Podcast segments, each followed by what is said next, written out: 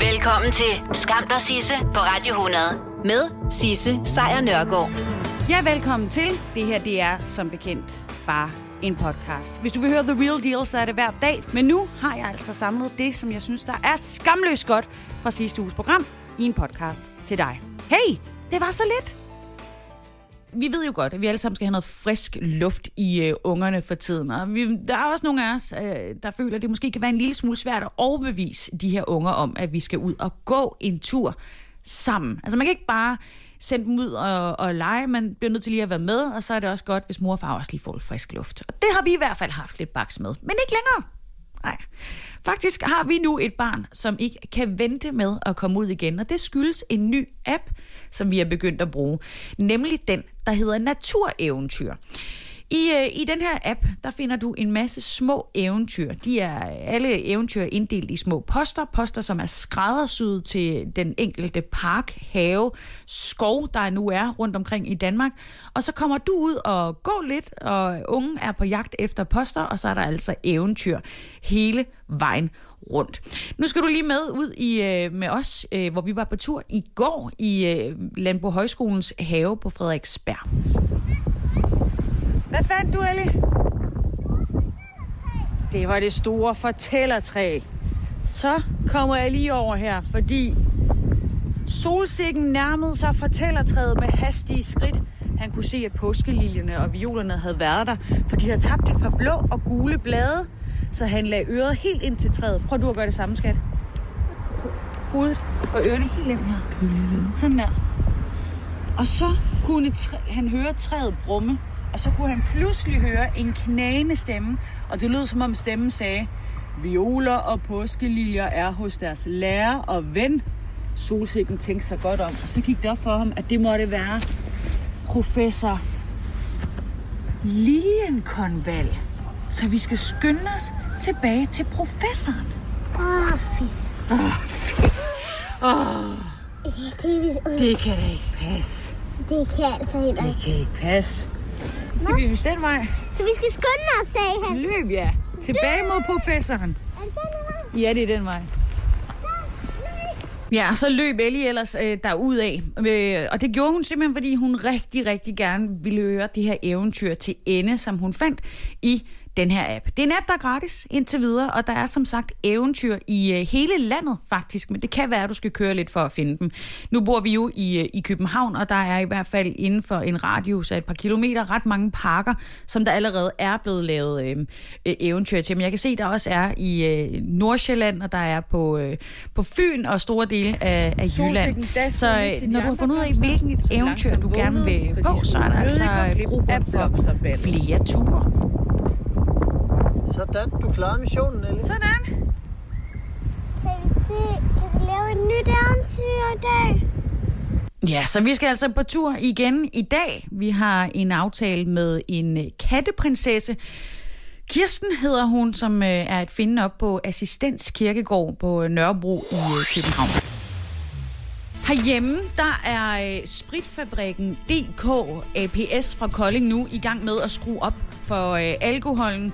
I den forstand, at de lægger øh, simpelthen øh, vodka og shots øh, på hylden, og så skruer de alkoholen om til at lave håndsprit.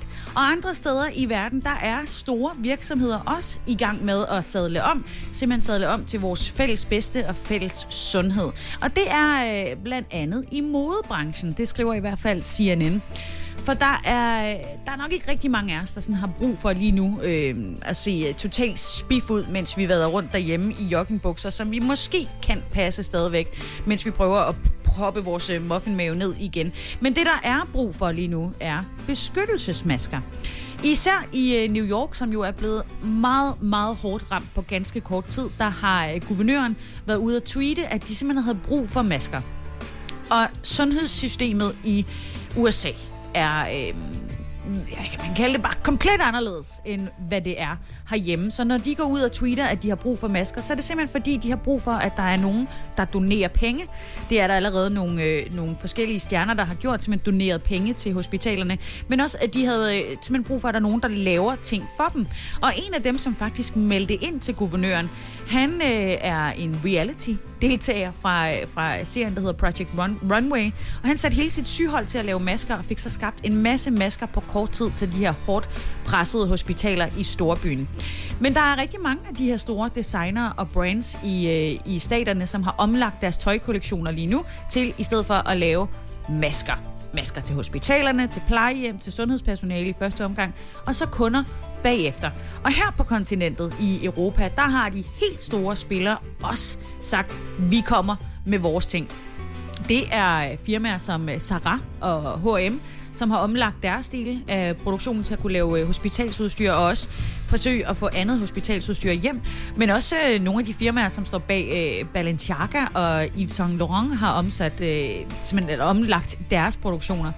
Øh, firmaet bag dem har jo et forpligtet sig til at erhverve 3 millioner kinesiske masker til det franske sundhedsvæsen, mens det største mærke, lige PT Gucci, de forsøger at fremstille og donere 1,1 millioner masker og 55.000 medicinske overalls til, øh, til myndighederne i øh, det ret hårdt ramte Italien. Så der er altså fuld sving på i øh, modefabrikkerne, men med noget helt andet end fashion. Ellers kan man sige, at det er jo faktisk lige præcis det item, man gerne vil ses med lige nu. Altså outfit of the day er ultimativt en maske. Øh, Japan er jo også med. Der er det Uniqlo, som skaffer udstyr hjem til, til hospitalerne.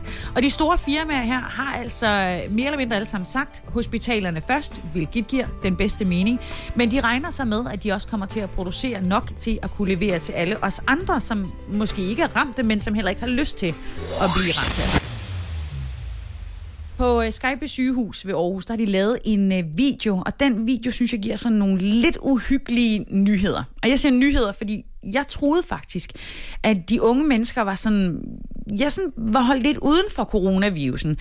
Men det er jeg åbenbart ikke den eneste, der gik rundt og troede, siger Lars Østergaard. Han er ledende overlæge på Aarhus Universitetshospital i Skyby. Det man sædvanligvis hører, er, at coronavirus rammer ældre og svækkede personer. Og det er sådan set også rigtigt nok. Men de patienter, vi har indlagt nu i respirator på intensivafdelingen, det er fortrinsvis raske, yngre eller middelalderne personer i alderen fra 25 til 70 år. Så udover at tage hensyn til ældre og svage, så er det altså også en rigtig god idé at tage hensyn over for dem, du i øvrigt har omkring dig. For alle kan få et alvorligt forløb af den her sygdom. Ja, sådan der. Han øh, slutter altså af med at minde os danskere om at øh, følge sundhedsmyndighedernes råd om at holde afstand, samle så få som muligt, vaske hænder og, og spritte vores hænder i øvrigt. Fordi det er altså ikke kun de ældre, der er i øh, risikozonen, det er altså også unge mennesker. Over for TV2, der har Lars Østergaard også øh, uddybet, at flere af de her personer mellem 25 og 30 år, som er indlagt i respirator på Aarhus Universitetshospital i Skyby, tidligere faktisk har været rimelig friske og raske. Han siger til TV2, at det rammer nogle hårdere end andre, men altså, vi ser også yngre og midalderne patienter, som ikke har haft nogen skavanker, kroniske sygdomme eller er svækket i forvejen, som får de her alvorlige forløb. Og samtidig så understreger den ledende overlæge Lars Østergaard altså også, at sygdommen har ramt alvorligt, hvis personer bliver indlagt i respirator. Udviklingen i Danmark er kommet bag på, øh, på ham. Øh, især når han tænker tilbage på de tidligere historier, der kom fra Kina og Italien i starten af epidemien. Fordi det overrasker både ham, men egentlig også ret mange af os andre, at der er så relativt en stor del af de yngre mennesker, som igen tidligere har været raske, men som så også får den her infektion og får et meget alvorligt forløb. Og selvom den her sygdom jo også rammer yngre og middelalderne personer, så er det overordnede billede dog stadigvæk ifølge professoren, at øh, tiltagene her, som vores regering har sat i værks, at de virker. Og der er altså ikke noget, der på nuværende tidspunkt i hvert fald indikerer, at vi er på vej imod de tilstande, som vi ser lige nu i Spanien og i Italien. Det daglige antal døde i USA som følge af coronaviruset. Det vil toppe om to uger. Det er i hvert fald, hvad præsident Donald Trump han har sagt på et uh, pressemøde. Det sagde han i, øh, i aftes lokaltid. Her der gav øh, præsidenten også en opdatering på landets situation, altså i hvert fald hvad der angår viruset. Og ifølge en, John, en John Hopkins universitetsopgørelse, det er den vi altid mere eller mindre relaterer til, så døde 518 personer som følge af viruset i USA fra, fra lørdag til søndag. Og det er det højeste antal døde på et døgn, og det slår den den rekord, den triste rekord, der var for inden, som blev sat dagen inden os på 453 personer. I alt så er øh, knap 2500 mennesker døde i, øh, i USA, og over 136.000 personer er smittet. Og det gør altså USA til det land, som PT har flest smittede, endda foran lande som Italien, Kina og Spanien. So you're talking about 2.2 million deaths 2.2 million people from this. And so, if we could hold that down, as we're saying, to 100,000, it's a horrible number. Maybe even less, but to 100,000. So we have between 100 and 200,000. Uh, we all together have done a very good job. Det var altså Donald Trump, der sagde det her i uh, går. Altså hvis USA kan holde dødsfaldene nede imellem 100 og 200.000 mod de potentielle 2,2 millioner, så vil det betyde, at vi har gjort et godt stykke arbejde. På, øh, på det her pressemøde, der sagde Donald Trump også, at de her retningslinjer angående øh, distancering øh, imellem med personer, de, den er så blevet forlænget til den 30. april. Og øh, dermed så går han jo væk fra det, han sagde i sidste uge, nemlig at han havde et stort mål om at genåbne øh, USA til påske. Han sagde decideret, at det vil være smukt med fyldte kirker øh, til påske, og det kan man der han, han har lyttet til nogle mennesker. Samtidig så melder USA's sundhedsministerium ud, at der indtil videre er foretaget øh, næsten 900.000 tests af coronavirus i USA. Og der bor jo altså omkring 327 millioner mennesker i landet, så der er øh, stadigvæk et godt stykke i. Mens vi har haft lukket ned og undgået hinanden i ugevis, så er det business as usual i det tidligere Sovjetunionen. Fordi selvom lederne er bevidste om, at der er en pandemi i fuld gang, så er deres metoder til at få bugt med den her virus, jeg vil, jeg vil lade mig sige idiotiske.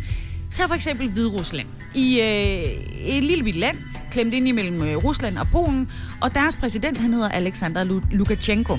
Han har ligesom børstet alle de her bekymringer over coronaen af sine skuldre og fortalt sine folk, at øh, hockey, ishockey altså, vodka og banya, en, øh, en traditionel sauna, det er den bedste kur mod corona.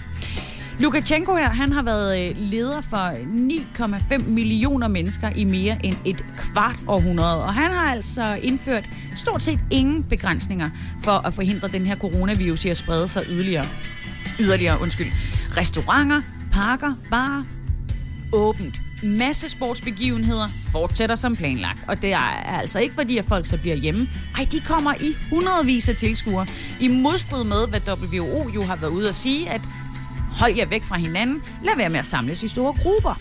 Og Lukashenko selv, han har heller ikke begrænset sine offentlige optrædener, og han har også valgt at være med i en af de her hockeykampe for nylig. Ifølge CNN, der sagde han, at det er bedre at dø stående, end at leve på knæene. Og så gik han ellers ud og lavede et interview i fuld hockeyudstyr med øh, statens tv. Og han sagde blandt andet, at det her sted, det er som et køleskab. Det er sundt. Der er intet bedre end sport, især is. Det er virkelig en antiviral medicin. Ja, det, det, er, det er super.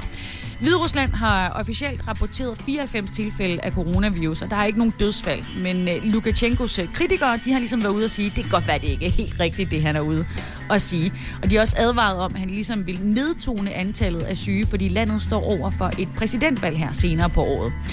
Lukashenko har også været ude og komme med sin egen henstilling om, hvordan man bekæmper virusen, og antydet, at hviderusser skal drikke vodka for at forgifte virusen, eller deltage i de her såkaldte banjer. Så når du kommer ud af saunaen, så skal du ikke bare vaske hænderne, du skal også drikke vodka, har han været ude at sige. Så Ja, der er ikke nogen klare beviser for, at coronavirus kan kontrolleres af høje temperaturer, det siger alle eksperter. Og Hviderusland har i øvrigt heller ikke lukket sine grænser. Øh, de har indtil videre øh, lavet et begrænset 1-2 ugers karantænerækkefølge for alle dem, der kommer ind til landet. Men alle naboerne omkring Hvide Rusland, altså Ukraine, Rusland, øh, Polen, Litauen og Letland, de har heldigvis lukket deres. har selvfølgelig, og det skal der være, været øh, kritiske røster om, hvorvidt øh, regeringens mange hastelove er, øh, er nødvendige. Sådan skal det være. Men vi kan også lige kigge et smut ned imod Ungarn, og så kigge på, hvad de har gjort for at øh, få bekæmpet coronavirusen. Fordi Ungarns parlament, de har simpelthen besluttet sig for, at de giver deres premierminister Viktor Orbán mulighed for at styre ved dekret på ubestemt tid. Det er ligesom deres bud på, hvordan man får, øh, får inddæmmet den her pandemi. Det er altså noget, der giver den populistiske leder ekstra beføjelser til ensidigt at vedtage en lang række foranstaltninger. Det her lovforslag, som jo er selvfølgelig blevet kritiseret af internationale menneskerettighedsvagthunde, har ingen specificeret slutdato. Ulige vores, som jo slutter næste år til marts. Nej, der har Orbán simpelthen fået mulighed for at få øh, fri hænder på ubestemt tid. Og på den måde så har han altså også mulighed for ligesom at omgå et antal af demokratiske institutioner i, øh, i sit svar på, øh, på udbruddet. Det blev godkendt i øh, mandags. 138 stemte for, 53 stemte imod.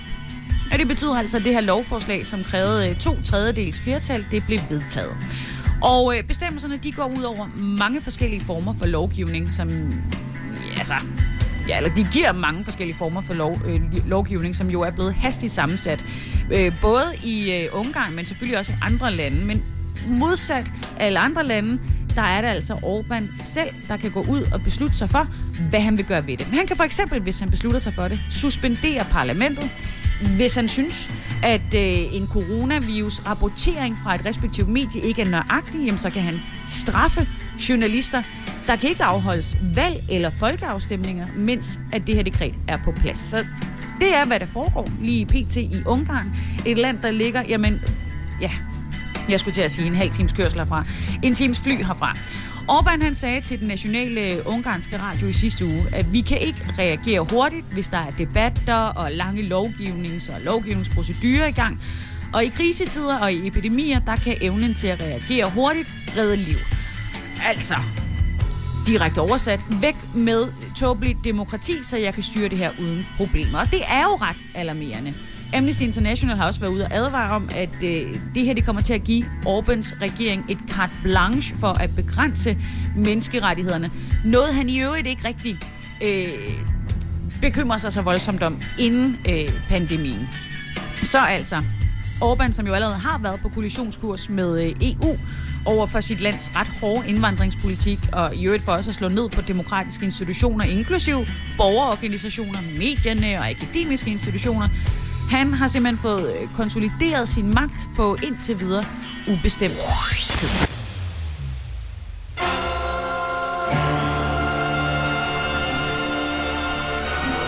Så skal vi til noget helt andet. Noget, jeg egentlig havde forsvoret, at jeg nogensinde ville tale om i det her program, nemlig det såkaldte parti Stram Kurs. Men krisen er her, og det vender jo op og ned på tingene. Og den her nyhed, den er faktisk rigtig interessant. Fordi partiet Stram Kurs, de er blevet udelukket fra at indsamle vælgererklæringer til og med den 23. september 2022. Det er altså to og et halvt år. Det er valgnævnet, der mener, at partiet har snydt med deres vælgererklæringer, og så har de altså været ude og opdatere deres hjemmeside, altså valgnævnet, og de skriver, Valgnævnet har den 30. marts 2020 givet partiet Stram Kurs et såkaldt rødt kort. Det vil sige, at nævnet har truffet afgørelse om at udelukke partiet Stram Kurs fra at fortsat at indsamle vælgererklæringer og at annullere Stram Kurses indsamling af vælgererklæringer til brug for indgivelse af anmeldelse om opstillingsberettiget parti til valg til Folketinget og valg til Europaparlamentet. Social- og Indrigsministeriet, som valgnævnet jo altså hører under, de har dermed ment, at Stram Kurs de har brudt reglerne. Og de ved også, hvordan. Det er nemlig på to forskellige måder. Den første måde er, at Stram Kurs har brugt e-mailadresser, der bliver indsamlet til at blive opstillet til Folketingsvalget. Men det har de også, også brugt til at opstille sig selv til EU-parlamentet i 2024. Men de vælger, der har givet deres e-mailadresse, de har altså kun givet bemyndigelse til at støtte en opstilling til Folketingsvalget. Den anden måde er, at Stram Kurs har skrevet en række e-mailadresser ind i valgsystemet flere gange. Flere end 9.000 af de omkring 40.000 e-mailadresser er blevet nedfældet mere end én gang. Over 700 af dem er skrevet ind mindst fem gange. En enkelt e-mailadresse har været så god, at den er blevet brugt hele 56 gange til både folketingsvalg og valg til EU-parlamentet. Så altså, det indvandrerkritiske, eller når ja, det almen dannelseskritiske parti, fik i december sidste år midlertidigt frataget muligheden for at indsamle vælgererklæringer, både til Folketinget og til EU-parlamentet. Og allerede inden afgørelsen og det her røde kort, som ikke kommer bag på Rasmus Paludan, der havde han over for Ritzau gjort det klart, at han ikke giver ret meget for valgnævnet.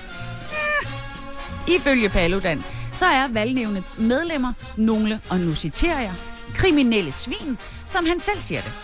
Tidligere så har han også kaldt deres øh, tilstedeværelse for en bananrepublik. Så nu vil Paludan altså oprette et søsterparti, der skal indsamle vælgererklæringer og videreføre den politik, som Stram Kurs står for. De fik jo 1,8 procent af stemmerne ved sidste års folketingsvalg, og var dermed ikke så langt fra at blive stemt ind.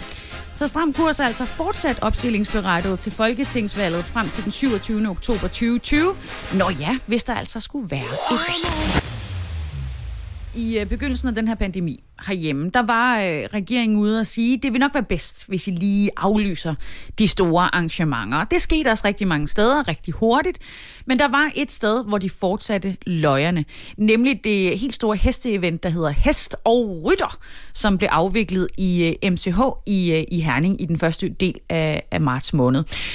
Men er det event nu årsagen til, at der er et ret stort antal coronasmittet i Herning Kommune? Det har der været teorier og gissninger om ret længe. Og nu siger Allan Randrum Thomsen, som jo er ekspert i virolog ved Københavns Universitet, til Avisen Danmark, at det efter hans vurdering er ret sandsynligt, at der er noget om snakken. Han siger, at han har vurderet, at det her hestestævne er den væsentligste årsag øh, på grund af antallet af deltagere. Og det er klart, at store forsamlinger altid er et rigtig godt sted for en virus at sprede sig. Det er dokumenteret, at det er det, man skal undgå, og derfor er der også indført restriktioner. Smittespredning er en statistisk begivenhed, altså jo flere du er i kontakt med, jo større smittespredning sker der. Hver gang du har en øh, social interaktion, så løber du altså en vis risiko. Hvis du har mange sociale interaktioner, så giver det god mening, at der kan ske en voldsom smitteoverførsel ved sådan nogle begivenheder. Ja, den ligger, den ligger lidt lige for, ifølge Allan øh, Randrup Thomsen, som jo som bekendt er ekspert i virolog. Og under det her hesteevent, så var der også flere øh, medier ude og snakke med Kasper Kassø Krut, som altså er fra Dansk Varmblod til det her øh, event. Og dengang, der sagde han det her. Jeg ved ikke, om jeg synes, vi løber en sundhedsrisiko. Det, det føler jeg ikke, vi gør. Øh, fordi at hvis vi har løbet en sundhedsrisiko, så havde vores dygtige myndigheder gjort noget, og så er de grebet ind. Ja, så havde de grebet ind, men det var vel reelt set også det, myndighederne gjorde til at begynde med, da de var ude og sige, hey guys, lad lige være med at samles øh, over 1000 mennesker. Det, som der i øvrigt i dag er nede på, lad nu være med at samles mere end 10 mennesker, og her senest, lad være med at være mere end to. Der var omkring 55.000 besøgende til det her arrangement Hest og Rytter. Og arrangørerne de afviste altså dengang at aflyse arrangementet. For Vi er ikke havde været gang i dage. Men og selvom vi er regeringen på det her tidspunkt Folk er her. altså ikke Øhm, gennemføre og så lader det op til folk selv, hvor 1000 fordi det er et jamen, fælles så ansvar, og det er også sådan lidt, at vi tolker det. Ja, det var sådan, de besluttede sig for at tolke det. Det her, det var igen uh, Kassø, som var ude fra øh, Dansk Varmblod. Og i dag så ved vi jo selvfølgelig bedre, der er flere restriktioner, og man kan jo ikke rigtig dømme mennesker ud fra, hvordan de handlede, inden de vidste, hvor galt det stod til. Men i dag så har Kassø også været ude og sige, at skulle det vise sig, altså skulle det være dokumenteret, at deres øh, arrangement faktuelt har været medvirkende til, at der er et øh, stort smitteantal i Herning, så er de naturligvis meget kede af det og beklager. Jeg kan nu se, at vi øh, hjemme hos øh, os har håndteret det her lockdown helt forkert. Vi skulle have gjort som Thailands konge. Han, øh, den 67-årige Maha Vajiralongkorn, han er gået i sådan en form for selvvalgt isolation, men ikke derhjemme, og slet ikke i Thailand. Han har simpelthen besluttet sig for at gå i den her selvvalgte isolation på det tyske luksushotel Grand Hotel Sonnenbil, hvor han har booket alle værelser. Fordi med sig har han, der har han, selvfølgelig han er jo kongen, et kæmpe entourage. Det øh, betyder, at der er en masse tjenere med, og så er der selvfølgelig også lige et harem af 20 konkubiner, altså øh, kvinder, som står i et ægteskabslignende forhold til øh, en mand med højere social status. Det her, det skriver den tyske tabloidavis Bild. Grand Hotel Sonnenbiel, det ligger i, øh, i den sydtyske delstat Bayern. Bayern, som i øvrigt er meget hårdt ramt af, af corona øh, smitten også. Og det her hotel det bliver ofte brugt til alt muligt lækkert, altså bryllupper, luksusferier, hele muligt tjavsen. Der er pool, der er sauna, der er en kongesuite, of course, og så er der jo udsigt til alberne fra samtlige værelser. Det kunne nærmest ikke være mere nice. Og egentlig, så burde det her Nice Hotel jo være lukket, som alle de andre hoteller er under coronakrisen, ligesom for at inddæmme den her smitte. Men ifølge Bild, så har det her hotel altså fået en særskilt tilladelse af de med lokale myndigheder til at gøre en undtagelse med den thailandske regent. Det er jo trods alt en konge, ikke? Så vi lader ham være derinde, hvis han bare er sammen med den samme gruppe af mennesker. Det er ifølge TV2 ikke officielt bekræftet nu, at øh, den thailandske konge rent faktisk befinder sig på hotellet. Men siden februar, så har han ikke været øh, at finde i Thailand. Han har ikke optrådt til nogen ting offentligt. Og ifølge den tyske avis Bild, så er han øh, til gengæld blevet set cykle rundt i det sydtyske landskab. Et område, som han føler, han har stor tilknytning til, fordi han også har en ferieresidens i nærheden af det her luksushotel, som han vel og mærke har booket til sig selv og alle sine øh, venner. Og den her måde at håndtere coronakrisen på, den har altså også vagt opsigt i hans hjemland, hvor smitten jo spreder sig, ligesom den spreder sig alle andre steder. Og han er vel og mærke ikke blevet hyret for sin super fede tilgang til øh, sin selvisolering, han er faktisk tværtimod blevet kritiseret i den grad. Og især på øh, Twitter under hashtagget Hvorfor har vi brug for en konge? Det er ret opsigtsvækkende i sig selv, fordi Thailand er et af de steder, hvor de i den grad passer på deres kongefamilie. Det kan give 15 års øh, fængsel at kritisere eller fornærme kongefamilien offentligt. Så når folk er ude og tweete om, at han ikke burde være deres konge, så er det ret vildt. Det er ikke fordi, at han er sådan ukendt i Tyskland.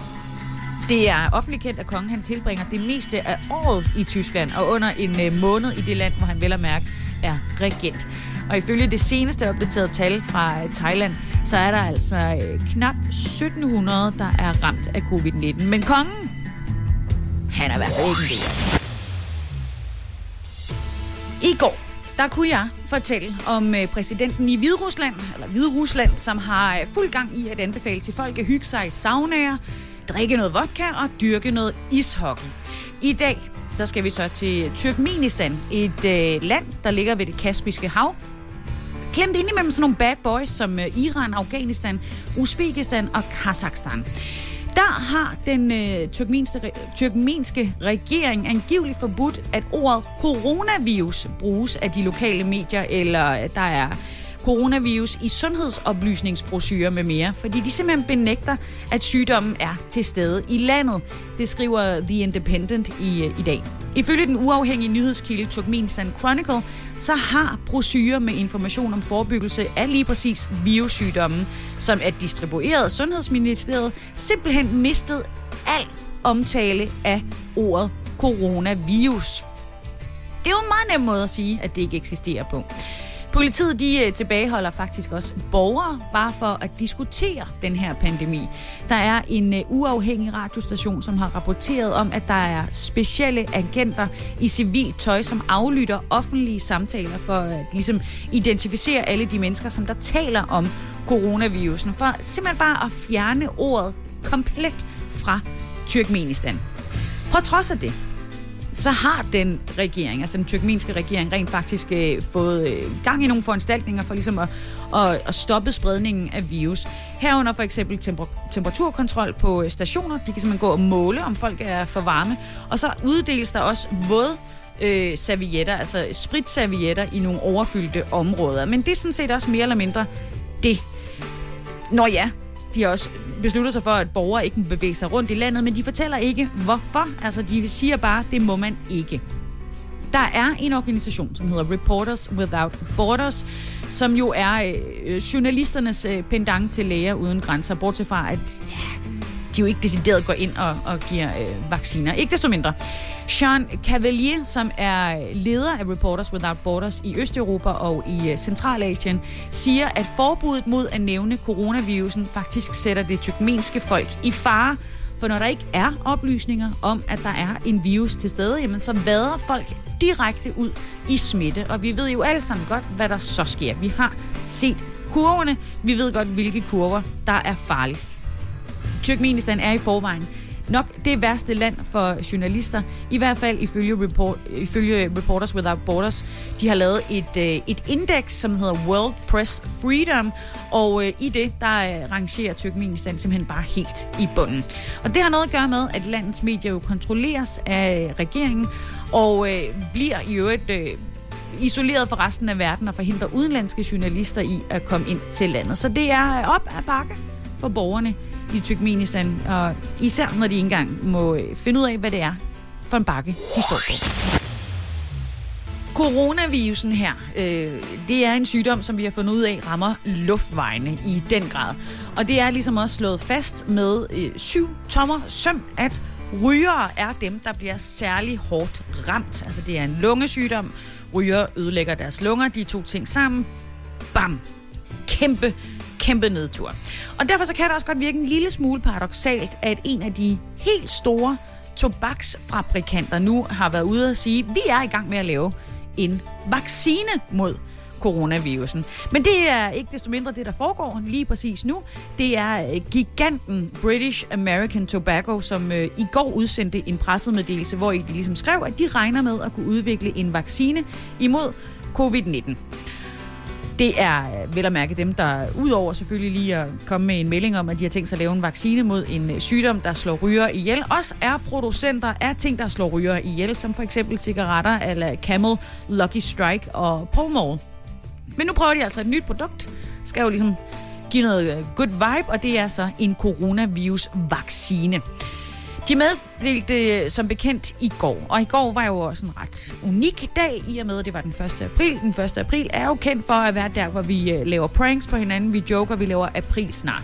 Det var der ikke så meget af i går. Folk synes i det hele taget, at verden er en joke, øh, så der er ikke rigtig brug for, for flere ting. Så jeg var også ude at tjekke, om det nu også var sandt. Kan det virkelig passe? at det noget, de også mener i dag er rigtigt? Og den er god nok. Det er British American Tobacco, som altså har sat deres datterselskab Kentucky Bioprocessing til at arbejde på den her vaccine. En proces, der jo normalt vil tage et års tid, men de regner faktisk med at have den her vaccine klar allerede til juni, så fremt alting ligesom går øh, den rigtige øh, vej. Og det må man jo sige lyder som en god ting. Og en af årsagerne til, at de kan gøre det så hurtigt, det er fordi, de har tænkt sig at basere deres vaccine på planter. Og nu kommer ionien frem en gang til. De har tænkt sig at basere den på tobaksplanter. De tobaksplanter, som de arbejder med, er så nogle, der vokser rigtig hurtigt, og derfor så kan deres vaccine, eller i hvert fald det, de skal bruge i vaccinen, være klar på bare 6 uger. Og derfor så mener de altså, at øh, de kan være klar her til, til sommer. De er allerede nu i gang med at teste en af de første vacciner på dyr. Ifølge Verdenssundhedsorganisationen, så kan det her med at basere vacciner på planter faktisk være en rigtig, rigtig god ting. Det er billigere, og det er, kan produceres i meget, høje, meget høje mængder, og så er de her plantebaserede vacciner også mindre tilbøjelige end for eksempel de traditionelt udviklede vacciner til at indeholde skadelige forurenende stoffer. Igen, det er et tobaksfirma, det er tobaksplanter, og der er stadigvæk færre skadende stoffer i deres øh, potentielt set kommende vaccine. Og det er altså ikke første gang, de gør det. Kentucky Bioprocessing, Bioprocessing som det hedder, øh, som bliver ejet af tobaksfirmaet, var involveret i at lave en kur for Ebola også tilbage i, øh, i 2004. Man må bare sige, det er jo super vigtigt at beholde sine kunder. Stream nu kun på Disney+. Plus. Oplev Taylor Swift The Eras Tour, Taylor's version. Med fire nye akustiske numre.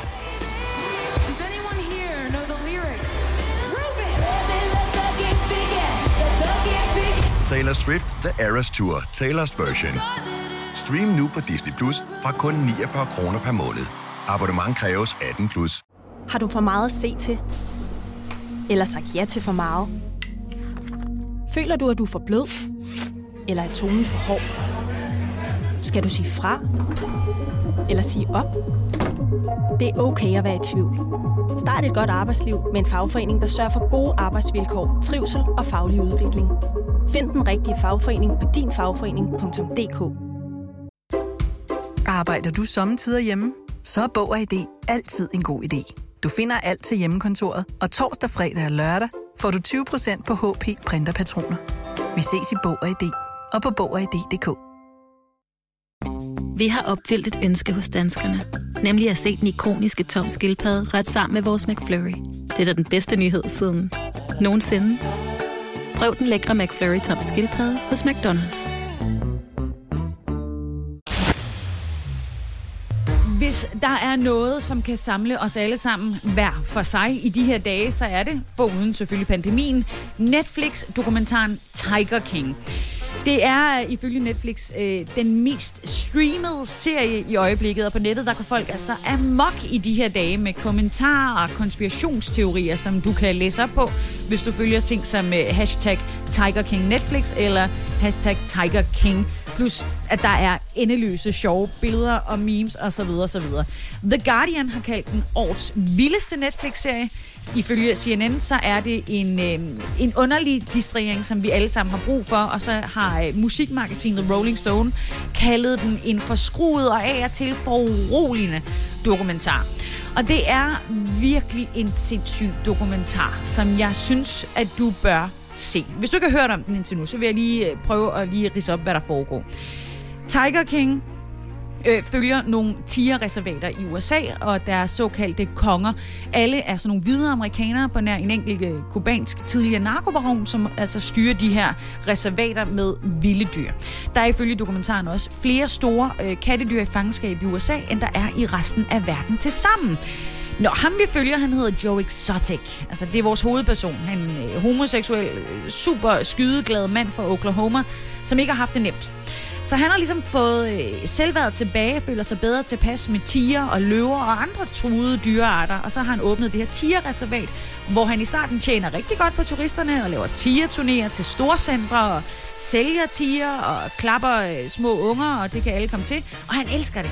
Han elsker berømmelsen, han elsker, at der kommer yngre mænd, og han elsker sådan noget countrymusik, som han også i øvrigt selv laver. Til gengæld, så hader han sin øh, rival, den, øh, hvad kan vi kalde det, en frelst kvinde, der hedder Carol Baskin, som har et reservat, der hedder Big Tiger Rescue.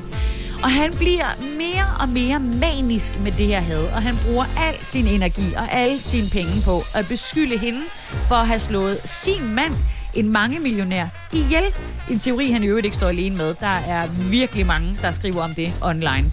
Så de her to, de fører altså krig med hinanden. En krig, der koster millioner. Men der er flere tigerkonger end dem her. Der er Doc Antle, som er en sektleder, altså uden tvivl, med tiger og damer.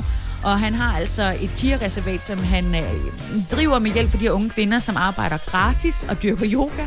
Og så har de mulighed for at stige graderne, øh, hvis de går i seng med ham, og i øvrigt får lavet kunstige bryster. Så er der Joes ægtemænd, som åbenbart ikke er til mænd, men der er vilde fester, der er tiger i Las Vegas, der er påsatte brænde, kogte krokodiller, der er narko, skydevåben, afbitte lemmer og politiske kampagner og meget mere. Og dyrene kan du så måske tænke på, ja, det er så, det er så ren armod. Og jo flere, der ser den her dokumentar, kan måske hjælpe lidt på deres situation. Så se Tiger King på Netflix sammen med alle os andre. Virkelig, det er min største anbefaling. Se den sammen med os andre, men selvfølgelig hver for. Det blev til et øh, kæmpe stort Entschuldigung fra Adidas i øh, dag. Den øh, tyske sportstøjskæde Adidas er nemlig ude efter en gigantisk folkestorm og sige undskyld for deres beslutning om, at de ikke vil betale husleje under coronakrisen. Og det gør de altså ved øh, at have købt helsides annoncer i blandt andet Tysklands største avis, Bild, og hvor de så undskylder øh, kæmpestort til den øh, tyske befolkning.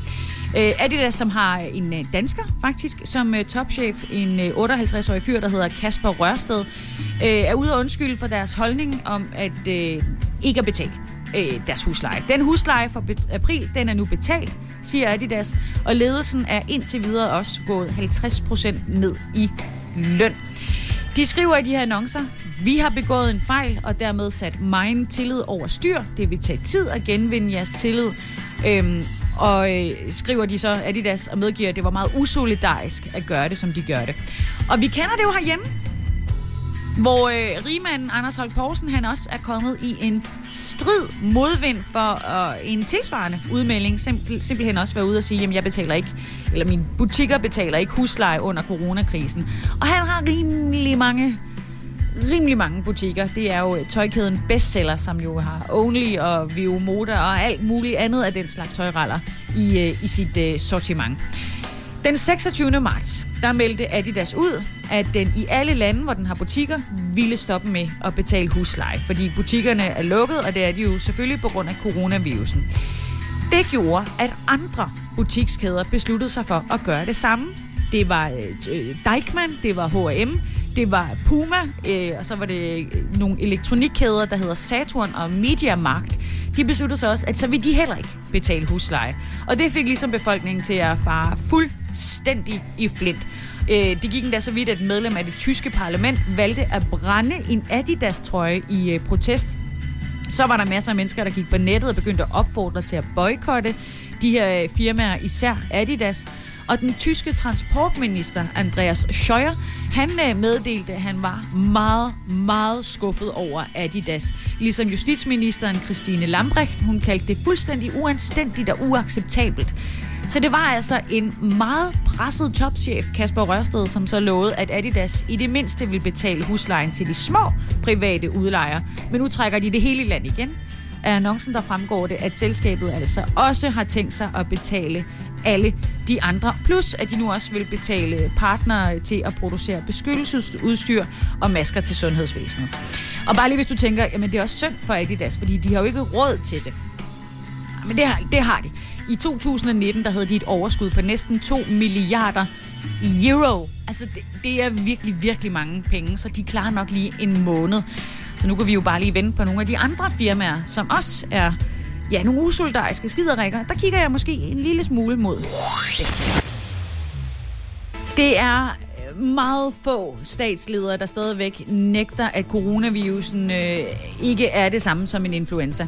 Trump han holdt så længe han kunne. Det samme gjorde Boris Johnson, altså indtil både øh, Prince Charles og han selv blev ramt af coronavirusen.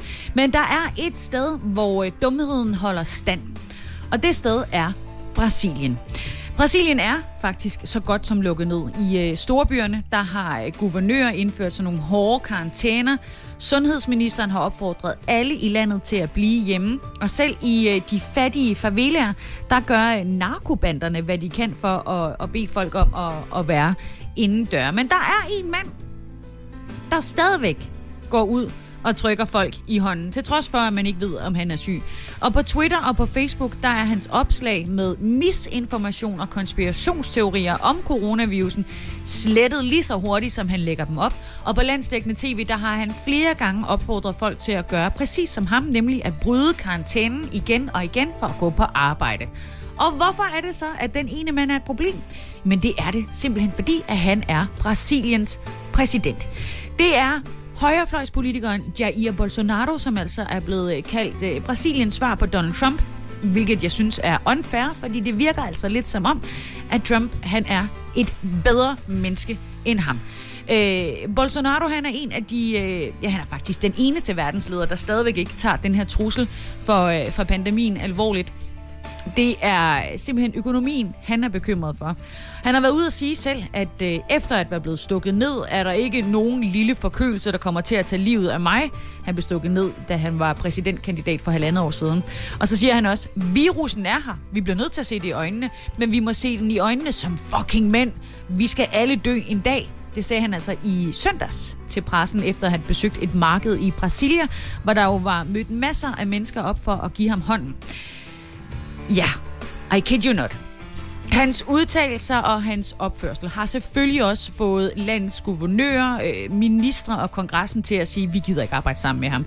Og i resten af verden, der har han blevet udråbt som en ny international skurk, efter at han også her tidligere på måneden faktisk brød den her karantæne for jeg ved ikke hvilken gang, for at gå ud og give hånd til mindst 200 mennesker, mens han vel at mærke var fuldt ud bevidst om, at han ventede på resultaterne af en coronavirus-test. Den viste sig at være negativ, men det var mere held end forstand. Han er blevet kaldt, med rette, øh, uforsvarlig, antividenskabelig og paranoid, Men øh, Bolsonaro er ligeglad. Han taler fortsat imod både sin egen regering og WHO's retningslinjer. Og det kan koste ham øh, præsidentposten, eller også så kan det faktisk gøre det modsatte. Det kan være der rigtigt. Altså, der simpelthen er folk, der tænker, at han er en alle tiders dude. Skam dig, Sisse, på Radio 100. Med Sisse Sejr Nørgaard.